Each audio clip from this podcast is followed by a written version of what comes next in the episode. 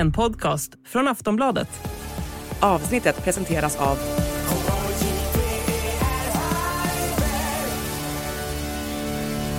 Stödlinjen.se, åldersgräns 18 år.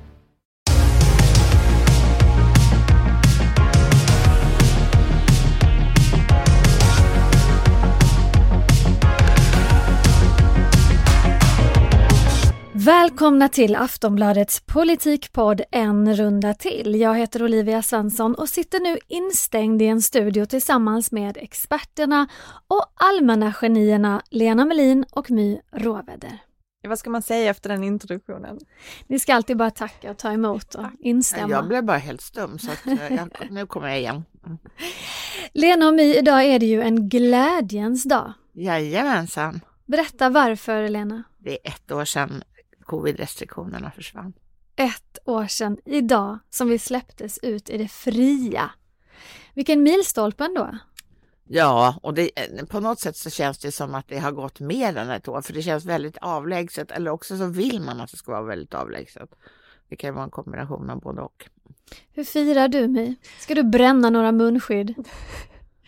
Nej, jag ska inte bränna några munskydd. Nej, jag vet inte. Jag bara njuter av eh, den friheten som finns. Eller något. Vad ska du göra Lena? Nej, men jag ska faktiskt städa min väst, min kasse som jag har till jobbet, för där har jag en just munskydd har jag och de har ju blivit rätt knöliga med, med, med, tiden. Så nu är det dags, nu ska de bort. Och sen så tänker jag faktiskt att jag ska få någon sån här typ räkmacka till lunch. Ja, det ska du. Gå till ett riktigt stökigt trångt café. Mm. Oh, underbart. Jag kommer också att tänka på när man satt hemma och poddade i garderoben. Och jag är så glad att vi kan sitta här i studion, för det är inte riktigt samma sak att sitta och podda i en garderob som att sitta i samma studio tillsammans. Det måste man ändå säga. Ja, verkligen. Socialdemokraterna har gjort sin valanalys. Den är här, som vi väntat och trängtat och längtat. Nej, det ska jag bara. Men analysen är på cirka 35 sidor och jag ska avslöja att jag har inte plöjt mig igenom hela den här telefonkatalogen. Men jag har läst avsnittet som heter Slutsatser och rekommendationer. Som ju enligt konstens alla regler tog det vara någon slags summering av innehållet. Ni har också läst valda delar. Alla delarna. My har läst alla delarna. Ja. Applåd. Och det var precis så tråkigt man kan tänka sig. aj, aj, aj. Vad hade vi förväntat oss? Som vi alla vet så fick ju inte sossarna regeringsmakten trots att de blev största parti. Det är den blåa sidan som styr Sverige. Men hur blev det så? Ja, låt oss köra igång med vår analys av deras analys.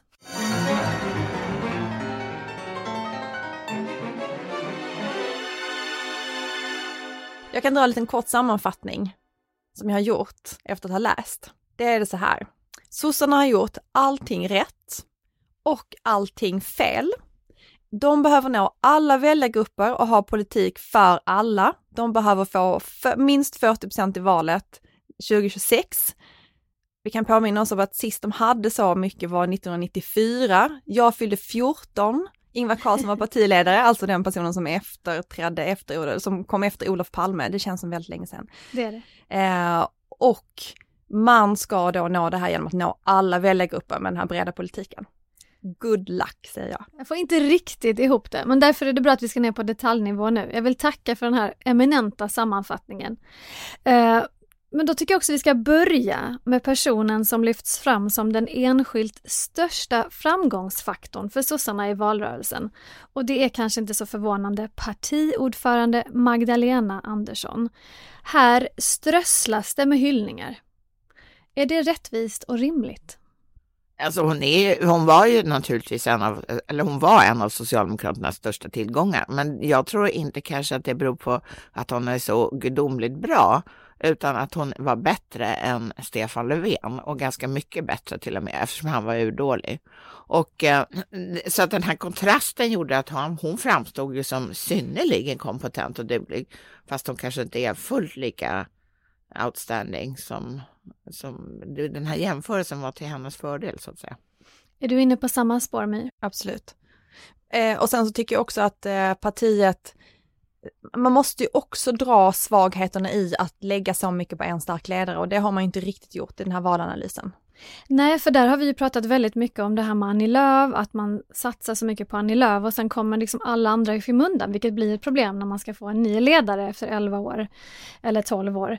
Men det enda man säger här, det är ju att en rekommendation är att lyfta fram fler personer inom partiet, att lyfta fler profiler, att se till att fler får utrymme det är ju på ett sätt liksom någon slags inbyggd kritik mot att det har varit ett sånt personfokus, men lite mildare. Fast jag tycker nog att Magdalena Andersson lyfter fram sin eh, finansminister i, ganska hög grad, precis som henne, hennes företrädare hade lyft fram henne.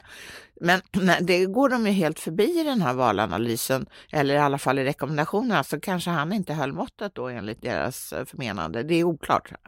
Det är Mikael Damberg pratar vi nu. Ja, ja han nämns inte, i Nej. alla fall inte det här slut. Överhuvudtaget så kunde jag inte lägga märke till så många andra namn, förutom Magdalena Anderssons namn, i den här slutsatsdelen. Nej. Det säger kanske någonting. Ja. Eh, sossarna tyckte ju då att de prioriterade rätt när de talade om välfärd och trygghet och jobb. Men en sak som de slår ner på i analysen, och nu blir det svåra ord här, är att deras valstrategis prioriteringar inte fylldes med tillräckligt politiskt innehåll och konkretion. Vi kan väl säga att den här valanalysen är inte skriven för vanligt folk. Det är den absolut inte. Nej, det får vi liksom den, bara hacka i oss. Språket håller en väldigt komplicerad nivå. Men, men då tycker jag vi bryter ner det här, språk, det här språkbruket. Vad är det de menar? Om, de, om, de, om man inte har tillräckligt politiskt innehåll och konkretion, det låter allvarligt för mig. Men jag tror att de liksom syftar på sådana här uttryck som vända på varje sten. Det, det, det ska man naturligtvis göra i politiken när man, när man ska om, omvärdera eh, eh, ett politiskt område. Men det räcker ju inte att säga till väljarna att nu ska vi vända på varje sten, för nu, vitsen med att vända på varje sten är att man sen ska göra någonting. Eh, och då, eh, det här handlade ju då främst om kampen mot den organiserade brottsligheten. Och då är det klart att då vill ju väljarna veta mer, vad, vad vill ni göra? Och då räcker det inte heller att säga som dem att vi ska bekämpa brotten och brottens orsaker. Utan man måste, jag tror att man måste vara lite mer konkret än så för kritiken som de själva har är ju att inte bara att de inte då, som Lena säger, berättar vad man ska göra åt det. Det är också att man inte förklarar liksom problemet. Eh, så att det finns liksom tre steg i den här i politiken, hur man ska förklara politiken. Det finns ett problem, vad är det, hur definieras det, vad ska vi göra åt det och vad, liksom, vad är nästa steg, hur löser man problemet? Eh, och då var det två av de här stegen som man inte lyckades liksom kommunicera till väljarna. Man lyckades inte definiera vad är samhällsproblemet heller. Det var också en av deras liksom, självkritiken här. Tycker ni att det fanns något parti som lyckades med den biten? Det var väl inte den här valrörelsens starkaste gren, men jag tror att efterfrågan från väljarna när det gäller det här att man så att säga ger ett, en bild av det universum man vill skapa är ganska stort. Och sen så när man har berättat om det här universumet, det är sen man ska liksom tratta ner i olika områden och vad man där tycker är mest angeläget att göra någonting åt. Men eh, inget parti var ju särskilt bra på varken att beskriva sitt universum eller, eller vad som därefter följde så att säga för att skapa detta universum. En annan sak som de tar upp det är att man inte har lagt fram politik som människor bryr sig om och att man inte heller haft politik på bredden, alltså inte i alla områden. Det finns en liten passus som var väldigt rolig som var att man kan inte lämna över ett helt politikområde till ett samarbetsparti i en regering. En liten, jag är ju väldigt förtjust i passiv aggressivitet. Mm. Eh, och det här var ju en typisk sån, för att ingen nämnd och ingen glömd, men klimatpolitiken och Miljöpartiet är det man pratar om här. Mm. Eh, och att man istället för att liksom då eh, prata om det lite bredare, så här, vi var inte tillräckligt bra i klimatpolitiken och miljöpolitiken fast det var ett av de här prioriterade områdena som Magdalena Andersson har tagit fram.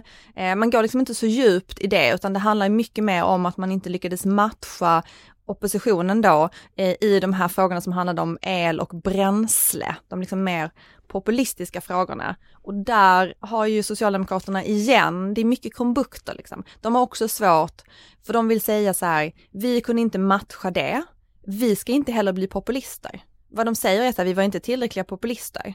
men vi ska ändå inte, vi är för fina för att vara populister. Mm. Och någonstans måste de ju landa i vad är populism och vad är att liksom svara till människors oro eller människors, vad människor tycker är viktigt. Och där tycker jag att de inte, kanske inte riktigt har hittat någon slags eh, någon slags fram, alltså hur de ska komma vidare med det där. Nej, för det som hände det var ju ett väldigt speciellt år den här valrörelsen befann sig i och det uppstod ju väldigt många akuta plånboksfrågor och energifrågor. Det står också i den här sammanfattningen. Och då eh, menar S att de inte anpassade sig tillräckligt till den dagordningen. Och det du säger är ju intressant om My, för då undrar man ju varför, är de så, varför går det så svårt att anpassa sig efter någonting som uppstår? På den punkten förstår inte jag riktigt deras självkritik förutom att, att de sålde in sitt budskap för dåligt. De genomförde ju faktiskt en elpriskompensation som dessutom tickade in för de, för de som var berättigade till den under, under åtminstone valrörelsens eh, början. För många även under, fram till valrörelsen var slut. Eh, det var ju den som gällde förra vintern då. Mm.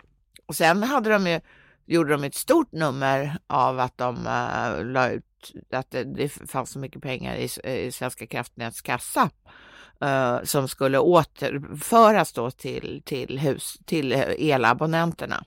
Mm. Och så la de ut ett utredningsuppdrag på dem som skulle vara klart då 15 november och det kanske man kan tycka det var korkat. Det var, hade varit bättre för sossarna antagligen att de hade eh, presenterat de här förslagen eh, före valet och inte långt efter. Men eh, de var ju tydligen inte så tillräckligt dåliga i alla fall för att de adopterades ju sen av den sittande regeringen. My, du reagerade också när vi pratade lite grann inför det här programmet så, så hade du lite tankar kring hur de pratade om kärnkraften. Ja men jag tycker att det finns en väldigt rolig mening i, den roligaste meningen. Det behöver ingen leta, alltså ingen behöver läsa den nu för att jag kan säga den roligaste meningen. Eh, det var att S förtydligade även sin syn på ny kärnkraft, ändå lyckades Socialdemokraterna inte vara tillräckligt offensiva. För att det har de inte alls gjort. Alltså Magdalena Andersson får den här frågan hela tiden och aldrig svarar hon rakt på, vill sossarna bygga mer kärnkraft, ja eller nej? Nej. Finns inget svar. Nej. De säger bara så här, det är inte förbjudet att bygga kärnkraft, men det är inte det som frågan är. Eh, så att jag tycker, jag undrar verkligen vad det är för nyans som har förtydligats i den här frågan. Och om man säger självkritisk och säger så här, vi, de andra vann jättemycket på att de hade en så tydlig fråga i kärnkraften, eh, men vi förtydligade oss också. men ni gjorde ju inte det. Det är ju det som är själva problemet i just den här frågan. Och sen så är det väl också så här att det hade ju inte behövt vara den viktigaste frågan i valet. Nej. Alltså det finns ju många andra frågor som man skulle kunna diskutera i så fall som hade kunnat vara viktiga för Socialdemokraterna. Fast det här beror ju på att, de, att hon inte svarar, beror ju, har ju en väldigt enkel förklaring. Det är att de är splittrade. Och hon vill inte för, äh, svara. Men är det inte det de borde ha skrivit i analysen i så fall? Vi var Exakt. för splittrade i Mm. kärnkraftsfrågan. Ja, Ja, vi har det- inte satt ner foten istället för att skriva så Nej, att men det, det hon gjorde var ju att hänvisa till, till den gällande energiöverenskommelsen om man anser att den är gällande eller ej.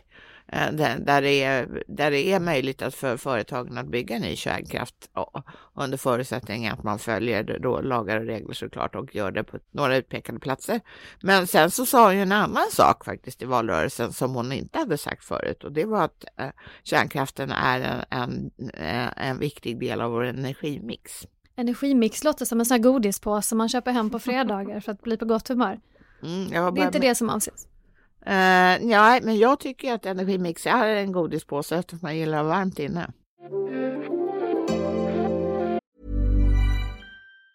Life is made up of many gorgeous moments. Cherish them all, big and small, with Blue Nile. Whether it's for yourself or a loved one, Blue Nile's unrivaled selection of expertly crafted fine jewelry and statement pieces help make all your moments sparkle. Blue Nile's experts are on hand to guide you, and their diamond guarantee ensures you get the highest quality at the best price. Celebrate a life well lived in the most radiant way and save up to 30% at BlueNile.com. That's BlueNile.com.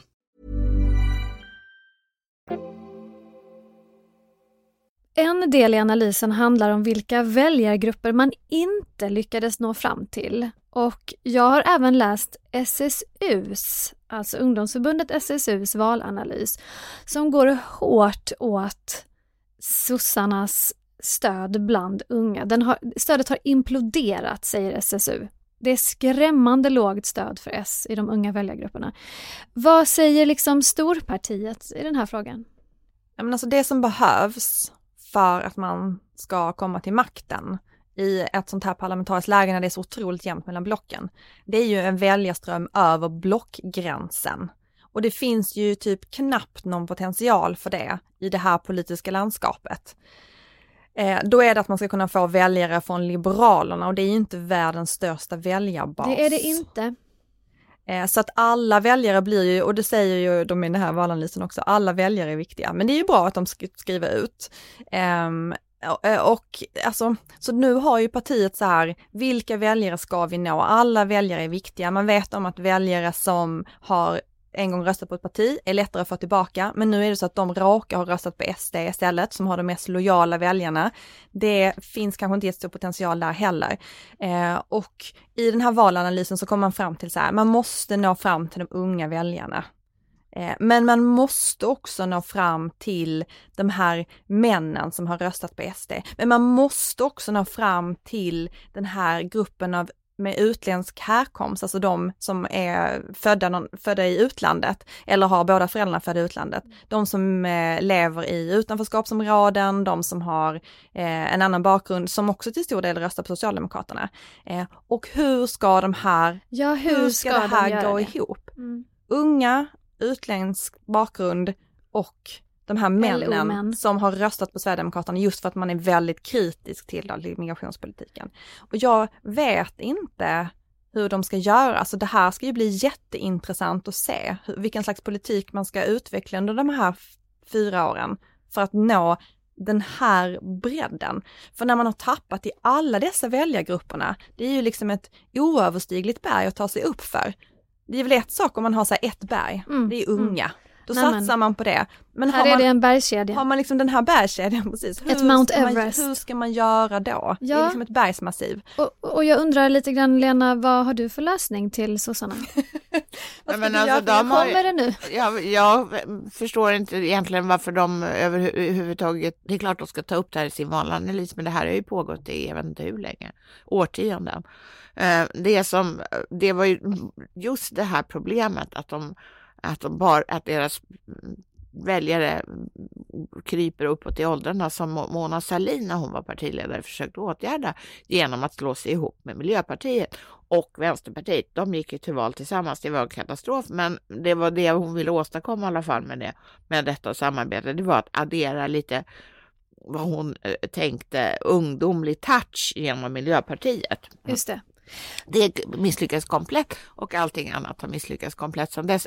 Och det beror på att de uppfattas som alltför systembevarande. Ingenting ska vara... Vi, vi gör som vi gör, har alltid har gjort och vi vet bäst och eh, du kan eh, lika gärna gå och lära dig det för att till slut kommer du att inse det.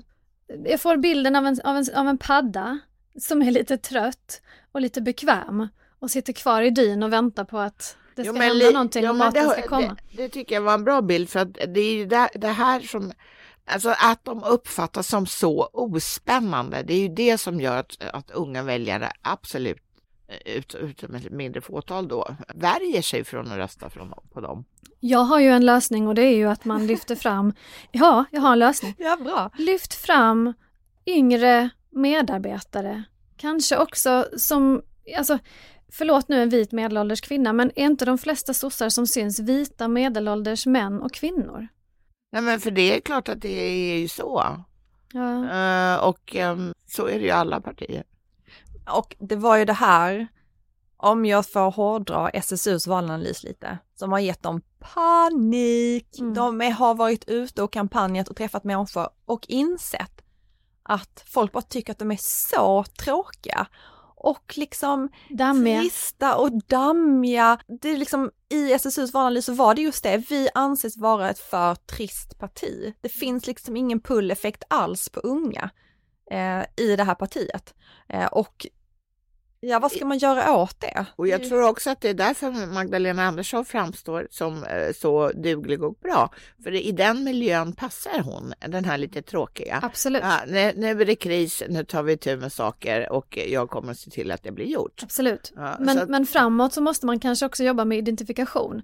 Hur ska unga människor kunna identifiera sig med sossar om de bara ser vita medelålders män och kvinnor. Alltså det finns ju någonting där. Nej, men det är parti, just det är ju ett eh, problem som, som Socialdemokraterna delar med alla andra riksdagspartier. Mm. Nu vill jag prata om något viktigt, för jag la märke till att det i den här slutsatsdelen inte står någonting om oförmågan att bilda ett lag som alternativ till den blåa samlade sidan. Och den analysen hade jag verkligen velat läsa. Varför lyckades man inte skapa ett tydligt gäng för att möta Ulf Kristerssons tydliga gäng?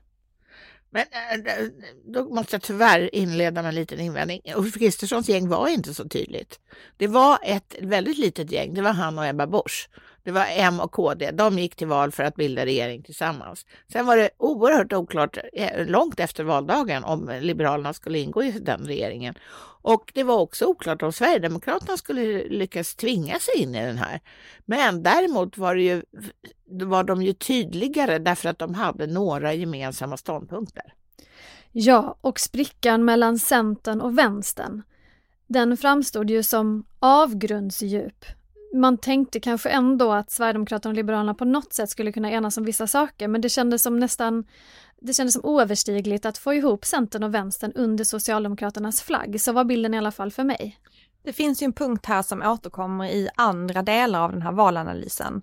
Och det är att man som parti inte vinner någonting på att bara kritisera den andra sidan, utan att man istället ska prata om det man själva gör. Och just i regeringsfrågan så är det ju lite svårt eh, att inte bara kritisera den andra sidan eftersom man själv hade sådana problem. Så det som man pratade om då i de här regeringsalternativen, det var ju att den ena sidan pratade om det här kan vi göra tillsammans. Men den andra sidan då, den rödgröna sidan, pratade bara om de här sakerna kan vi inte göra tillsammans.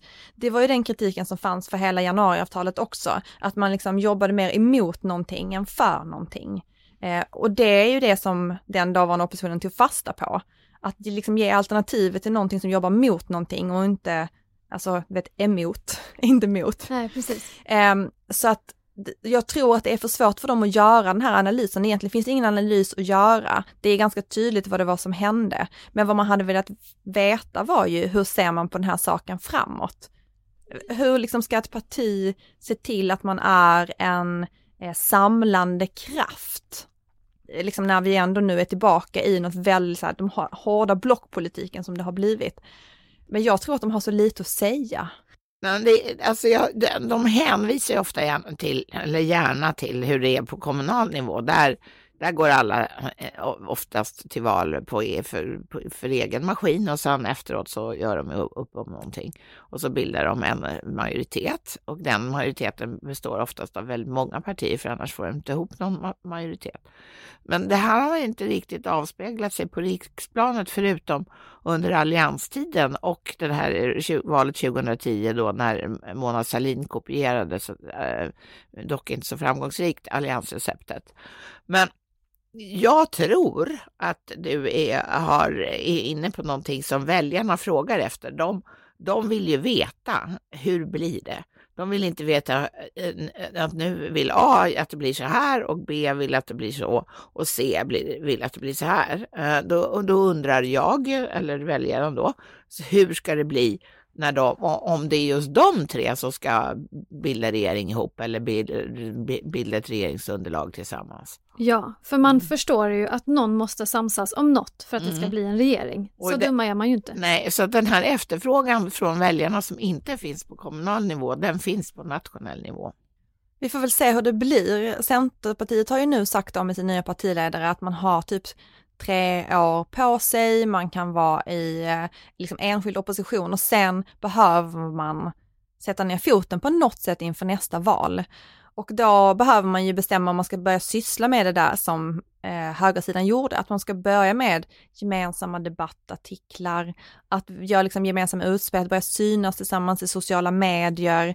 Alltså för det var ju så det började. Ebba Busch började synas med Jimmy Åkesson, det var ett ramaskri men de fikade ju bara eller åt bara lunch. Och så tänds de där gränserna och de här kanterna slipas ner gradvis. Och om Centerpartiet bestämmer sig för att man ändå skulle kunna acceptera ett samarbete på något sätt med eh, Vänsterpartiet, så är det väl det vi kommer att se. En fika med Nooshi och Muharrem.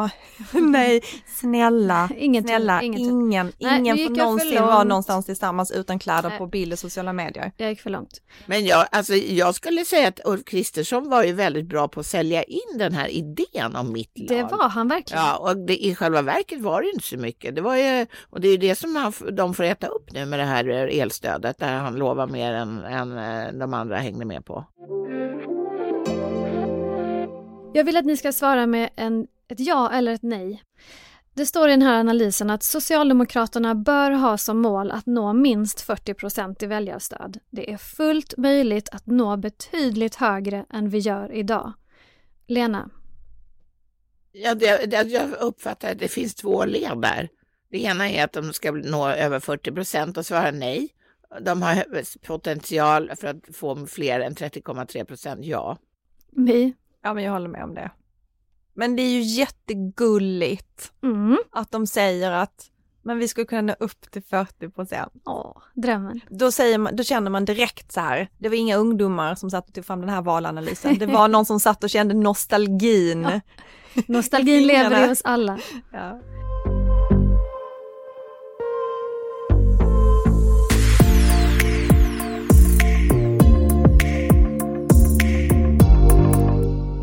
Det har varit en ganska tuff start för Tidöpartierna, det får man väl ändå säga. Svekdebatt om vallöften som inte infriats, kaoset med Sveriges NATO-ansökan, ekonomin är dessutom i brist på bättre ord, kass. Så, det jag hade förväntat mig skulle hända under de här omständigheterna är en massa tjafs och stå hej från oppositionen. Men istället ekar det ganska tyst. Det är så tyst. Det känns som att kritiken, den är inte alls högljudd. Det sägs inte mycket alls. Och jag vill gärna veta varför. Ja, men Jag tror de håller på att möblera om hemma och kanske sätter upp en ny tapet och sådär. Eh, alltså de, de inser ju att det, det är inte så mycket att göra nu. Det är, ingen, det är förspilld tid så att säga. Varför är det förspilld tid? Därför att det är för långt till valet. Det de skulle behöva göra, som ju inte mm, Socialdemokraterna har gjort i alla fall, det är ju att samla sig och börja fundera på vad på riktigt, som vi numera säger i politiken, eh, eh, på- riktigt ta reda på vad gjorde vi för fel och utarbeta alltså en hur, hur ser Socialdemokraterna Sverige ut? Folk vet inte det. Det, ska de behöva, det måste de kunna svara på, men det tar ju lite tid. Så att det, eh, när de har tapetserat klart så är det dags att sätta tänderna i det. Men vad tjänar man på att vara osynlig och tyst istället för att tjafsa och bråka och påpeka fel och misstag? ja, men när det går så här pass dåligt ändå som det har gått för den här nya regeringen, då kan man ju bara liksom vänta ut kritiken. Det behöver inte ens komma från liksom oppositionspartierna. Alla vet ändå hur det är. De har ju ändå försökt där, de pratar ändå en del om de här löftessveken. Det är ju deras talespunkter ifall de behöver vara i någon slags debatt eller sådär. Men jag, jag kan förstå det här med utvecklingsfaserna. Centerpartiet är också en utvecklingsfas.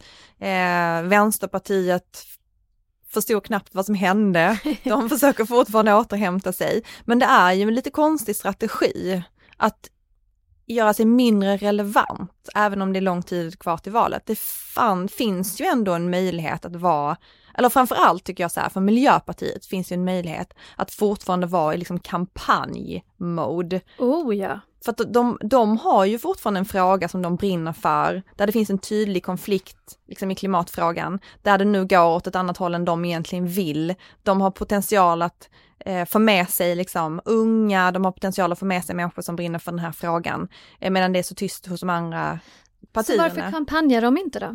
Nej, varför gör de inte det? Jag undrar också om det är så här att det finns, eh, man blir ju lite utbränd av valrörelse. Och folk orkar liksom. Ja, men det är det jag säger, de möblerar om och sätter upp tapeter. Och Miljöpartiet måste ta en paus. Det är ingen som vill läsa om dem, det kan jag tala om. Ja, eh, det låter ju lite deppigt för Miljöpartiets skull. Men kan det också vara att man är rädd för att tappa väljare om man bråkar? För om vi kollar på senaste väl väljarbarometern då som har mätt februari månad så går ju Socialdemokraterna upp, de ökar till 34 procent. De når alltså den högsta nivån som Demoskop har uppmätt sedan februari 2014. Vågar de inte säga någonting? Är de rädda för att förstöra någonting? Ja, delvis är det säkert det, för att de surfar ju så att säga på, de, eftersom de gör väldigt egen, eh, lite av egen maskin, så surfar de ju på andras misstag och det är klart att det kan man ju göra ett tag. Och precis som Magdalena Andersson då understryker det här stup i kvarten, så, så fort hon hon eh, får tillfälle så, så tar hon ju upp att eh, det här med elprisstödet och så vidare. Men det, i längden, det är ju någonting som inte hjälper eller räcker i ett val. Kan det vara smart ur ett, om man tänker på sina väljare, tänker de så här då att det kanske är skönt när, när, när man inte bråkar? Vi har ju pratat himla mycket i den här podden om att det har varit tjafsig stämning, att det har varit sandlådenivå ibland på konflikterna. Vill de inte göra väljarna besvikna? Nej, men det blir ju inte samma bråkiga stämning och sandlådenivå nu eftersom det inte finns liksom den här parlamentariska otydligheten som gör att varje tjafs kan leda till liksom en regeringskris. Utan nu handlar det ju mer om att ty förtydliga att vad det politiska alternativet är. Och så, precis som vi har sagt nu, i liksom hela programmet så finns det inget tydligt politiskt alternativ för att de är i den här utvecklingsfasen. Alltså balansgången här är ju egentligen att inte hålla på med det här för länge utan att vid någon punkt börja liksom ta upp farten igen och ha någonting att presentera. Jag tror att Centerpartiet i mycket större utsträckning eh, är liksom redo för att ta tag i det här. Det kanske beror på också att man bytt partiledare. Eh, men att man vill ha en politikutveckling som ganska snabbt tar fram ny politik för att man ska kunna använda den sen, liksom som en, ett verktyg för att vara i opposition. Eh, sossarna verkar lite sömniga, eller verkar mycket mer sömniga i den där frågan. Eh, Vänsterpartiet vet jag inte ens vad de sysslar med. Och eh, Miljöpartiet som sagt, det finns ju, som Lena sa, det finns lite bristande de engagemang en, en kring dem. Men kan det ha med ekonomi att göra då? Uh, Lena, du uh, pratade om det häromdagen, att det finns ju inte heller kanske liksom, ekonomiska incitament för att starta upp en kampanj när man precis har varit igenom en, en lång och tuff valrörelse. Nej, det gör det ju inte, framförallt inte för de mindre partierna som ju verkligen bullar upp och tömmer kassan eh, under valår för att eh, ja, använda de pengar de har helt enkelt när, de, när efterfrågan av dem är som störst ute på gator och torg. Men ja, eh, att liksom sätta igång ett idéarbete eller en, en politiskt utvecklingsarbete, det kostar inte så mycket. De personerna har de ju redan.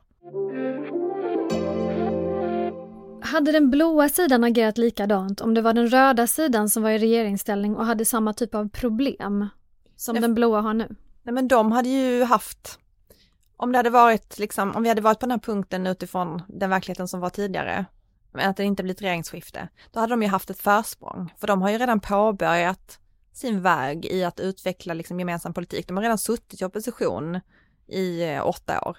Så att där fanns det ju redan den här typen av arbete och man hade ju redan börjat samla sig inför den här valrörelsen då med gemensamma förslag, förslag som då ska liksom appellera till, till olika väljare och sådär.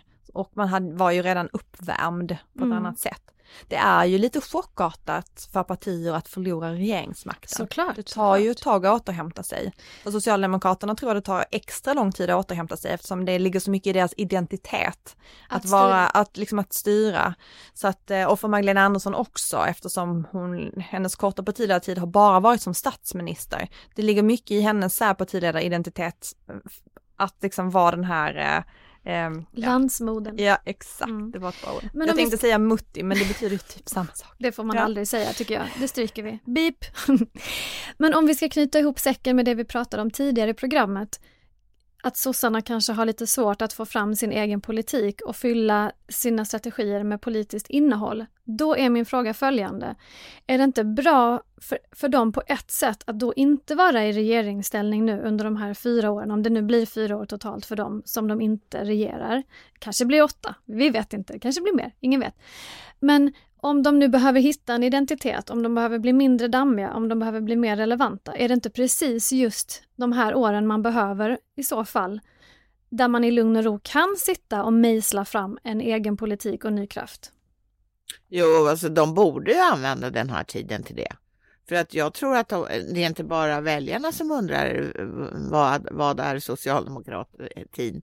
Jag tror faktiskt att ibland så undrar de det själva. Mm. Därför att de har, i och med den, de här åtta åren som, som de ledde eh, regeringen, eller på slutet då satt ensamma i regering, Uh, den var, det, det, var ett evigt kompromissande och det bortröstande och hålla påande. Så att det, det var ju liksom akutåtgärder, nödåtgärder, spring, um, trockla ihop in nattliga överenskommelser för att behålla makten. Det finns ju ingenting som dränerar ett parti så himla mycket på sin inre kraft som det och den inre kraften hämtar man ju från sina idéer så jag tror absolut att de borde använda den här tiden till att liksom hitta sig själva igen. Men fatta ångesten. Tänk om du skulle mm. översätta det här på en person. Tänk att du liksom kommer ur, eh, det kan ju vara vilken slags relation som helst, en vänskapsrelation, ett jobb, en kärleksrelation och bara är så här, alla är missnöjda med din personlighet. Du har liksom blivit helt utsugen, det finns ingenting kvar av dig. Vem är du?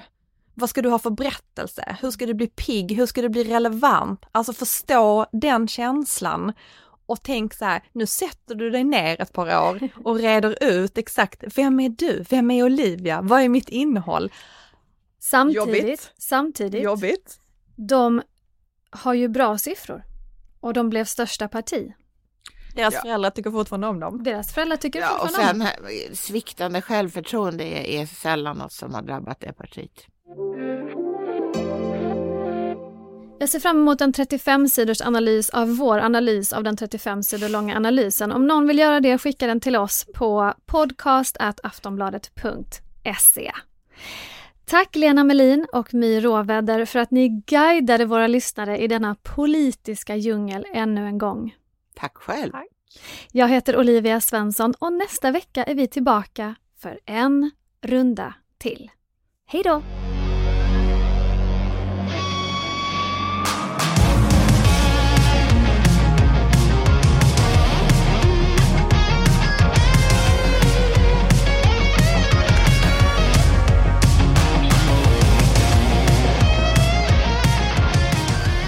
Du har lyssnat på en podcast från Aftonbladet. Ansvarig utgivare är Lena K Samuelsson.